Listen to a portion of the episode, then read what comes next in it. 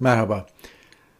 Tıp Fakültesi 2. sınıf öğrencisi 20 yaşındaki gencin 8. kattan kendini atarak intiharı hepimizin içini acıttı.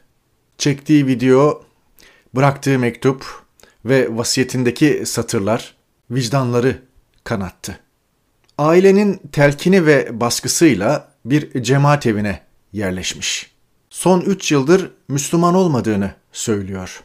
Buna rağmen çıkamamış oradan. Orada da baskılanmış.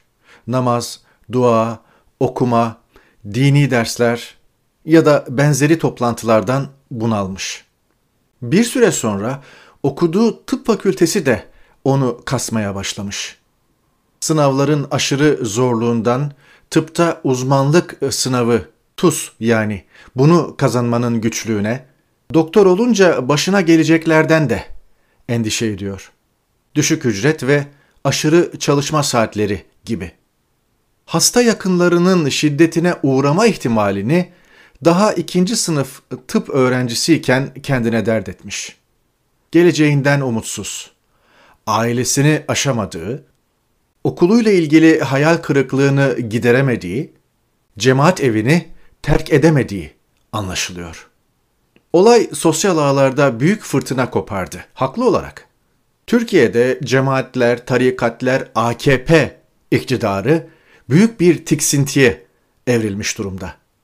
Ve olgular. O zaman e, bırakalım içkiye, sigaraya karşı olan alınıp satılmasını yasaklasın.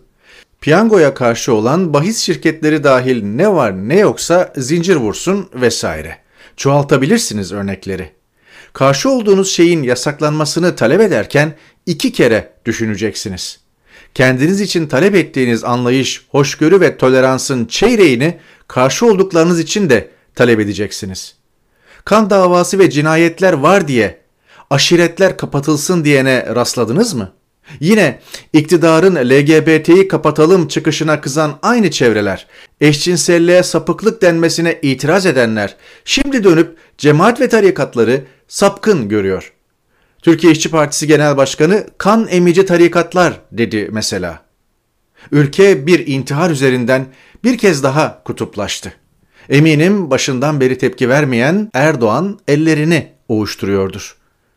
AKP tabanını konsolide etmekte rakipleri daha başarılı oldu ve oluyor çünkü.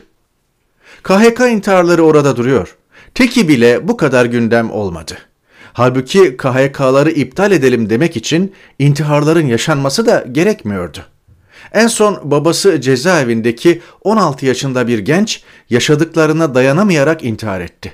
Babasını elleri kelepçeli onca güvenlikle getirdiler cenazesine. Unutmayın bir hakkın kötüye kullanılması onun kullanımını ortadan kaldırmak veya yasaklamak için geçerli argüman değildir. Gençler kaldıramadığı dünyaya veda ediyor teker teker. Ülkede gelecek umudu kalmayan intihar kertesinde yığınlar var. Hepsi de cemaat evlerinde kalıyor değil.''